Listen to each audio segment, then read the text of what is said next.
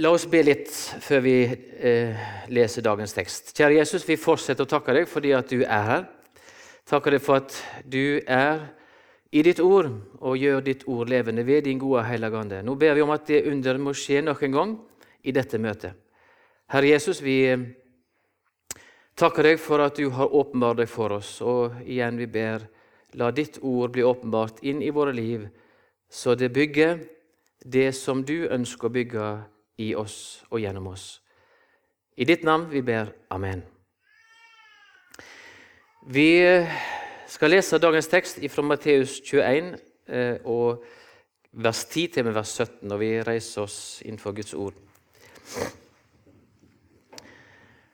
Da han drog inn i Jerusalem, kom hele byen i rørsle og spurte, 'Hvem er dette?'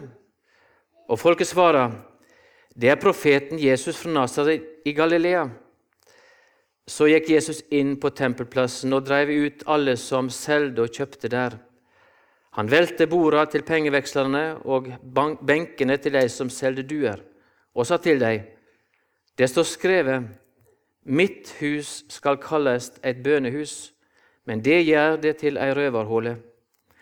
På tempelplassen kom det blinde og vannføre til han, og han lekte dem. Men da overpresten og de skriftlærde så undret han gjorde, og hørte barna som ropa i heiligdommen, Hosianna, Davids sønn, vart de arge, og sa til han, Hører du hva de sier? Ja, svarer Jesus, har de aldri lese? Du har latt småbarn og spedbarn synge din pris. Så gikk han fra dem og ut av byen til Betania. Der var han om natta. Himmelske Far, Ditt ord er sanning. Må du helge oss i din sanning. Amen.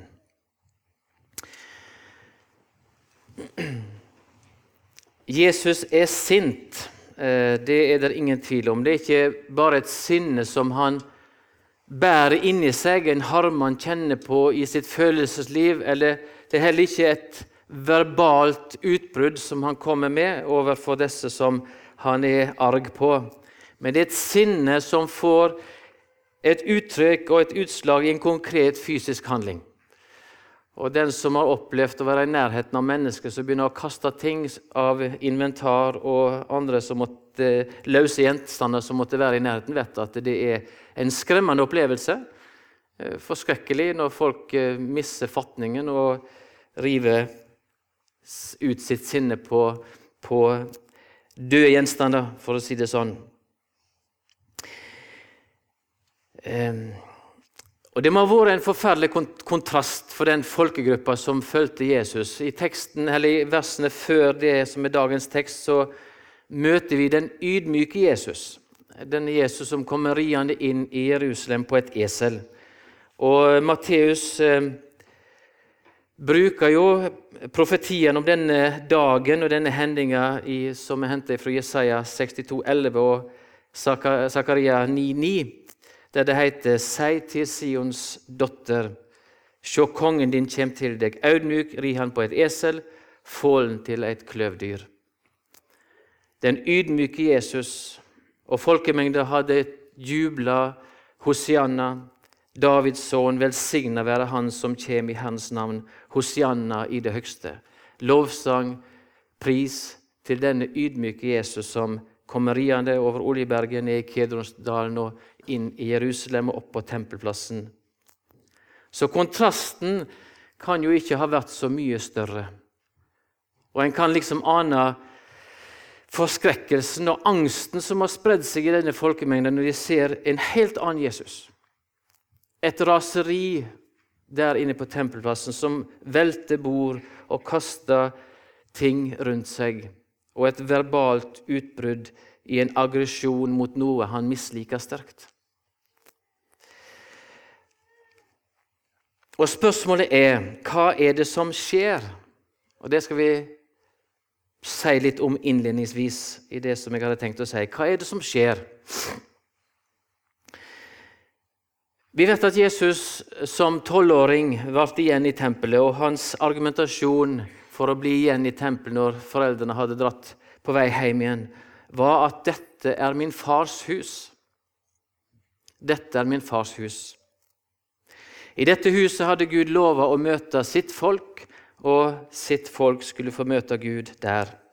Det var et sted for å be til og å tilbe og lovsynge Gud.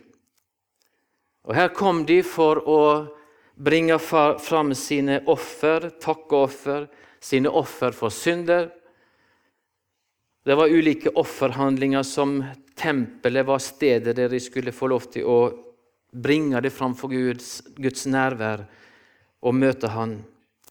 Og De ulike offerhandlinger hadde selvfølgelig eh, krav om offerdyr. Det var sauer, det var lam, det var geiter og kyr. Og så var det due og turteldue.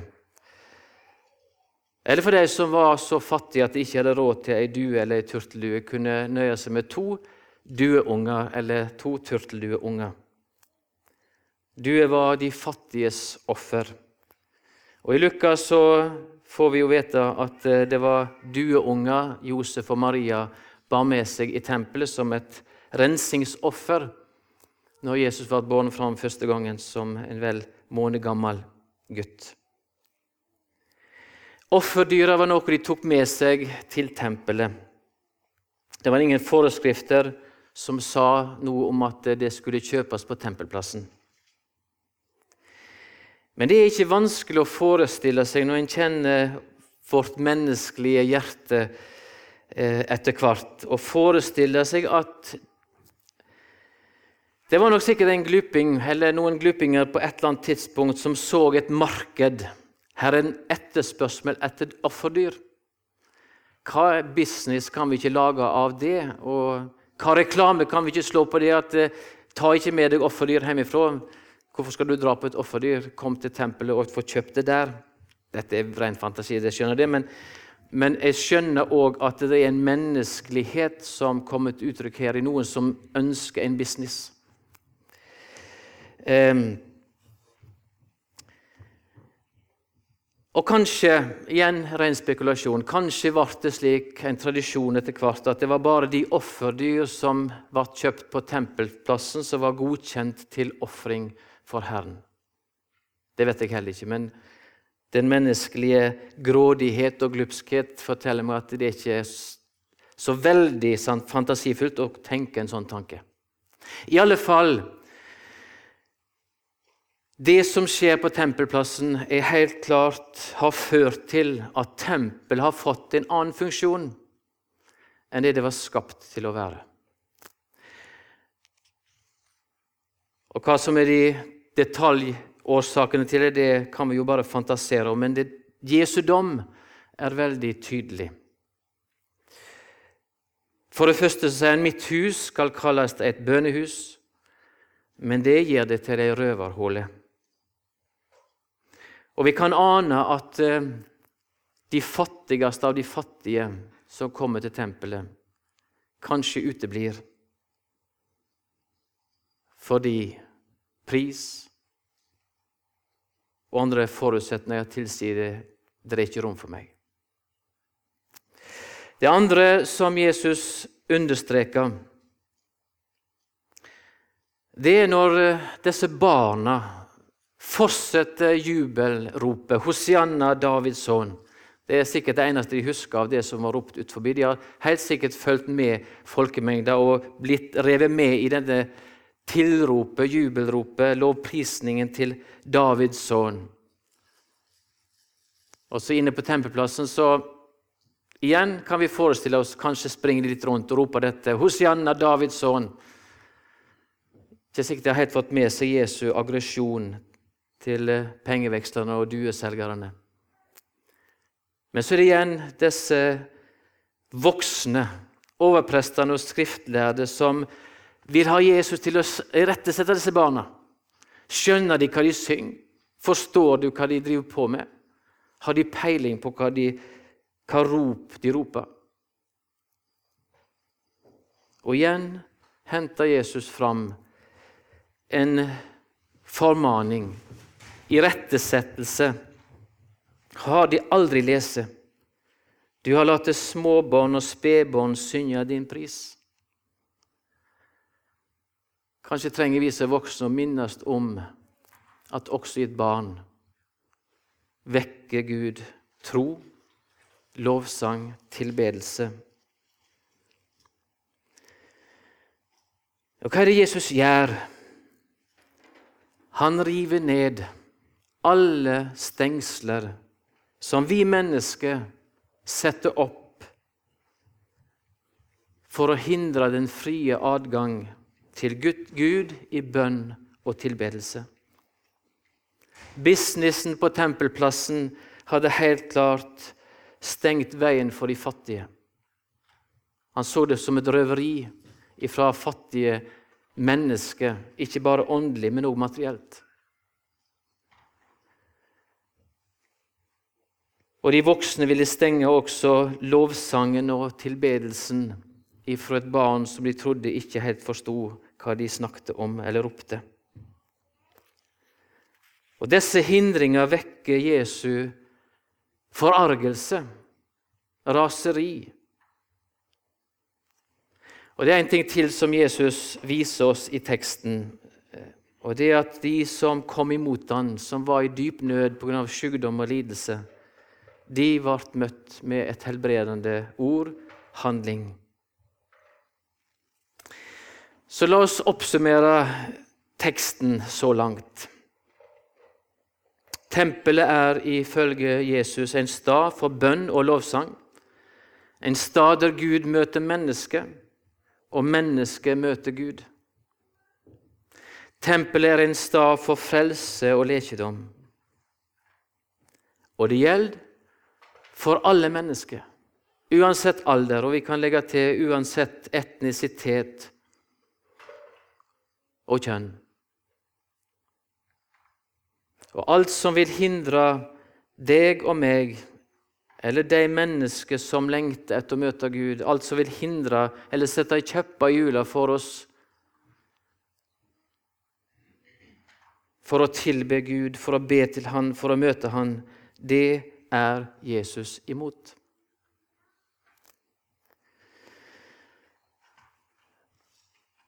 Sånn tenkte jeg at vi kunne oppsummere teksten. Kanskje er du enig, kanskje er du ikke enig, kanskje vil du legge til noe eller trekke ifra.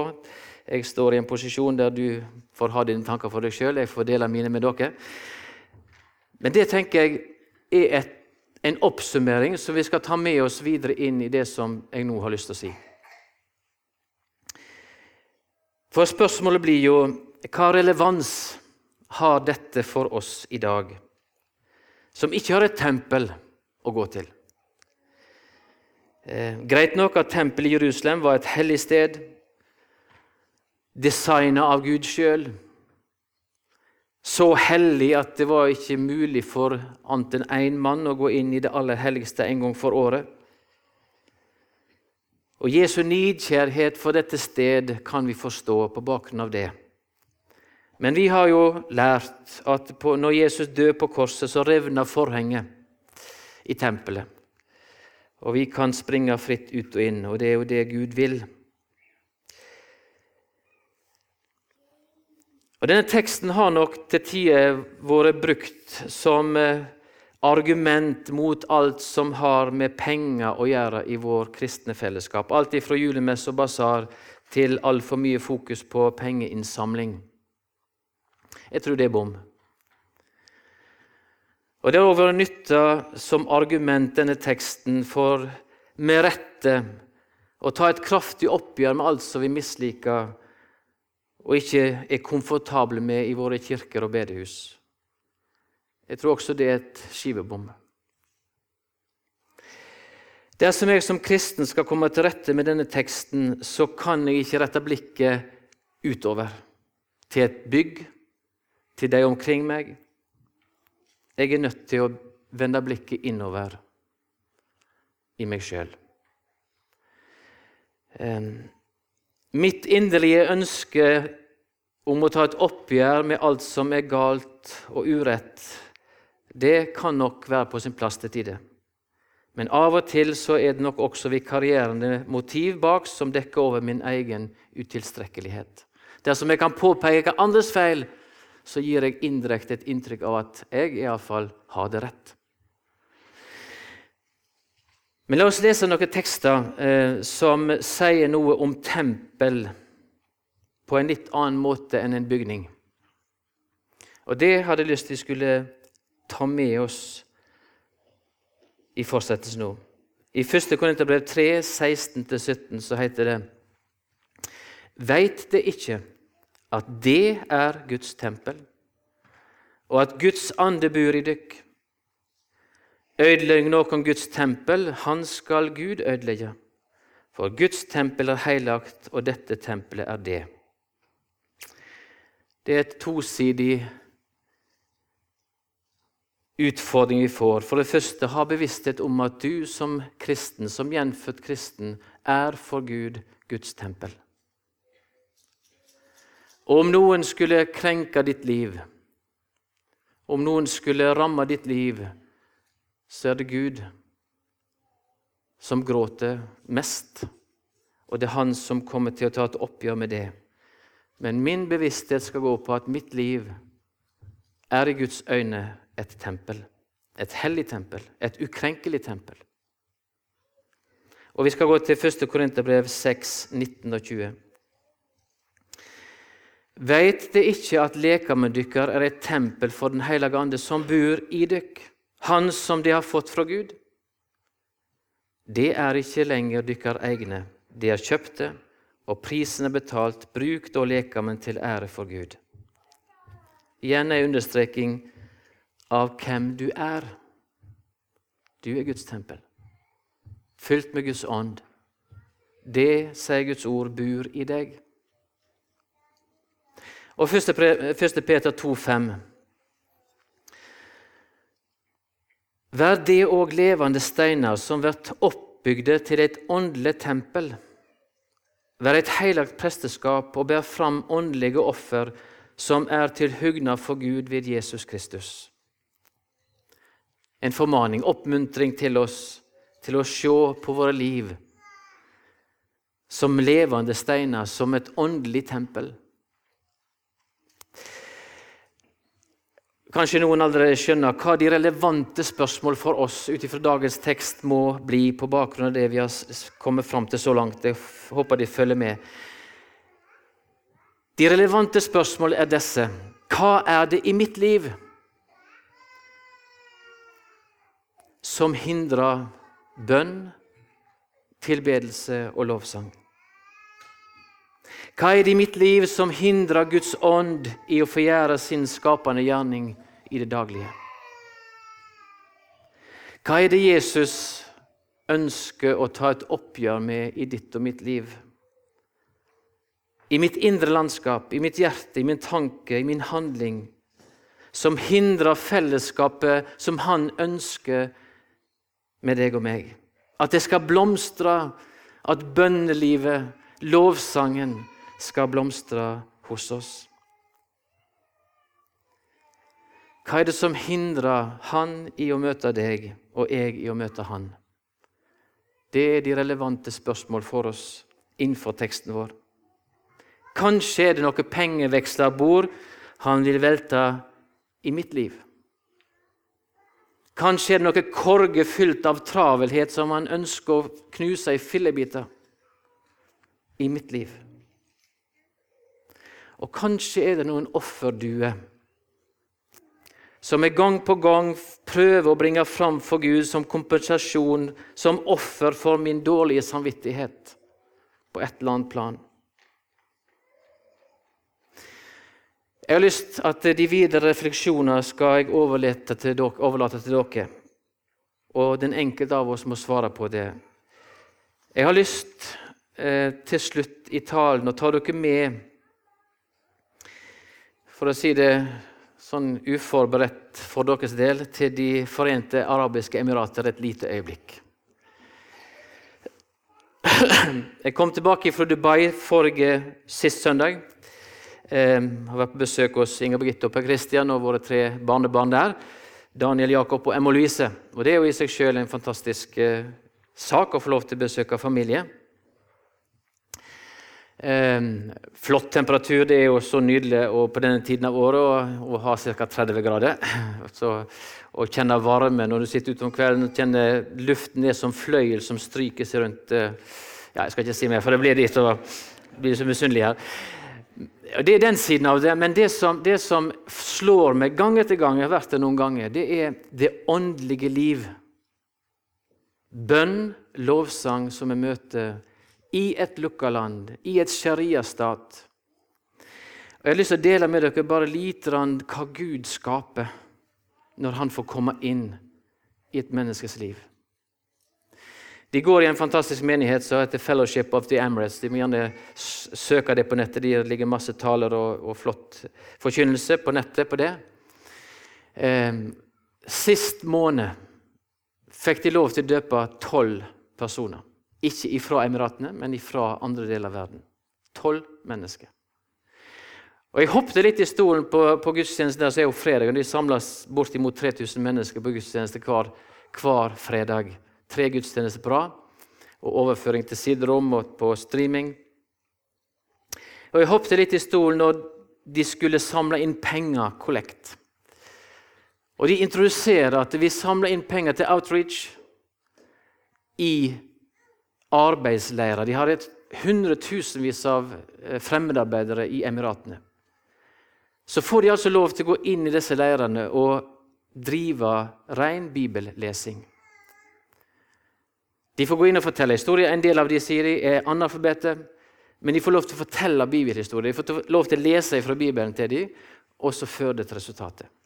Og De fortalte også noen av disse som jeg snakket med etter møtet, som er ganske store bedriftsledere, hva som skjer nå. Har vi inne på flyktningleirer i Libanon, det var flyktningleirer i Syria, altså i, i, i Jordan, som òg skjer fantastiske ting i når det er snakk om det åndelige.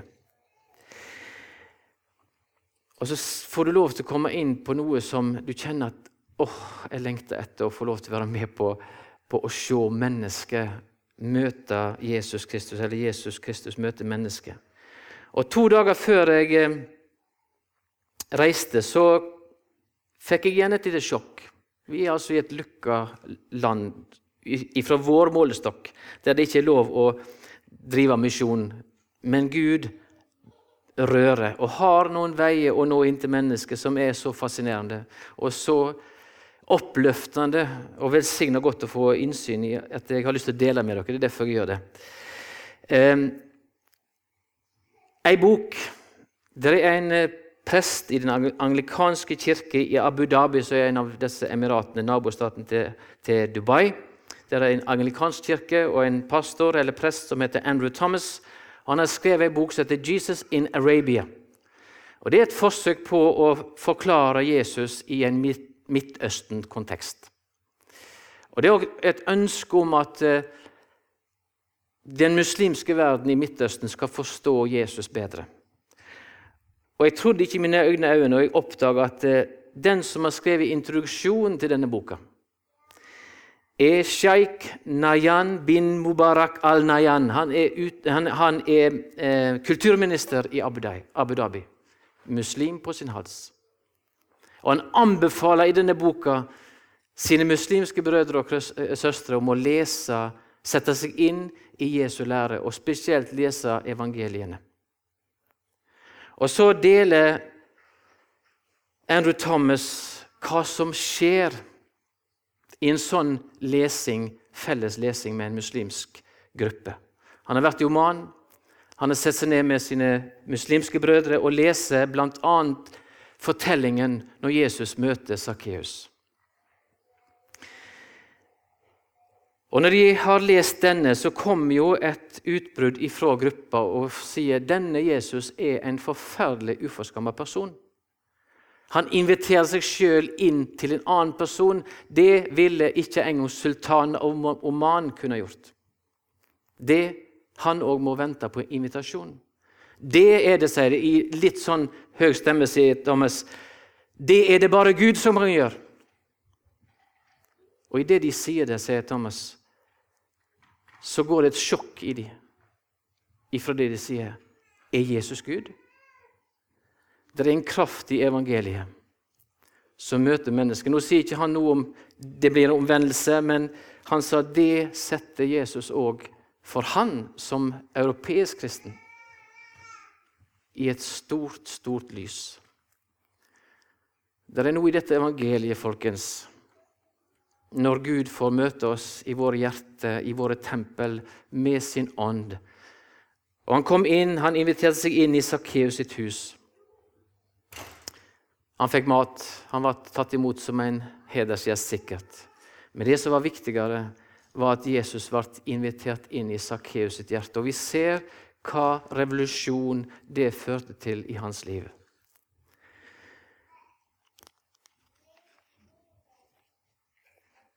Sjå, jeg står for døra og banker, leste vi inn i lesetekstene. Om noen hører mi røyst og åpner døra, da vil jeg gå inn til han og holde måltid, jeg med han og han med meg.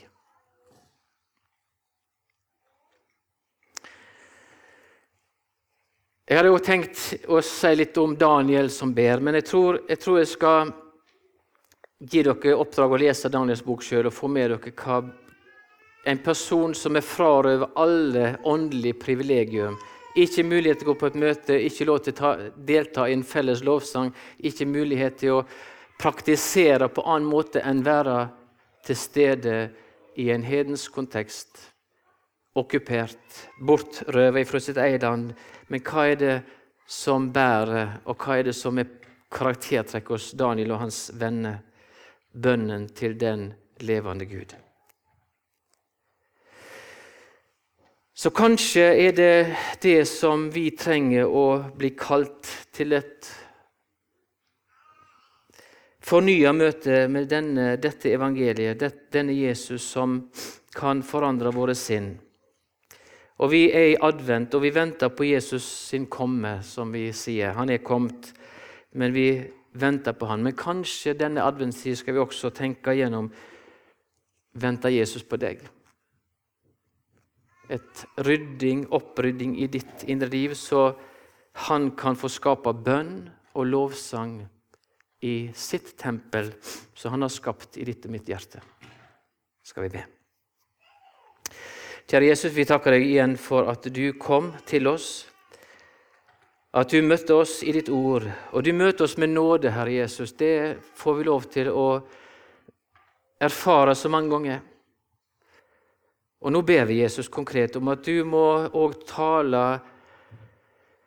irettesettelse inn i våre liv. Om du ser det er noe som hindrer oss i dette, som du lengter etter fellesskapet på et dypt, dypt åndelig plan med oss. Du ser travelheten vår, du ser tida vi går inn i, alt vi føler vi skal ordne. og Kjære Jesus, vi vet at mye av dette er godt, og vi får lov til å gjøre det under din velsignelse, men mest av alt, Jesus, bevar våre hjerter, så ikke vi kommer bort ifra deg, og at ikke mammon blir egentlig vår Herre. Vi har sunget i lovsangen før talen i dag om vi ønsker å gjøre deg all ære. Vi ønsker å løfte ditt navn opp. Vi ønsker at du skal være herre i våre liv, Jesus.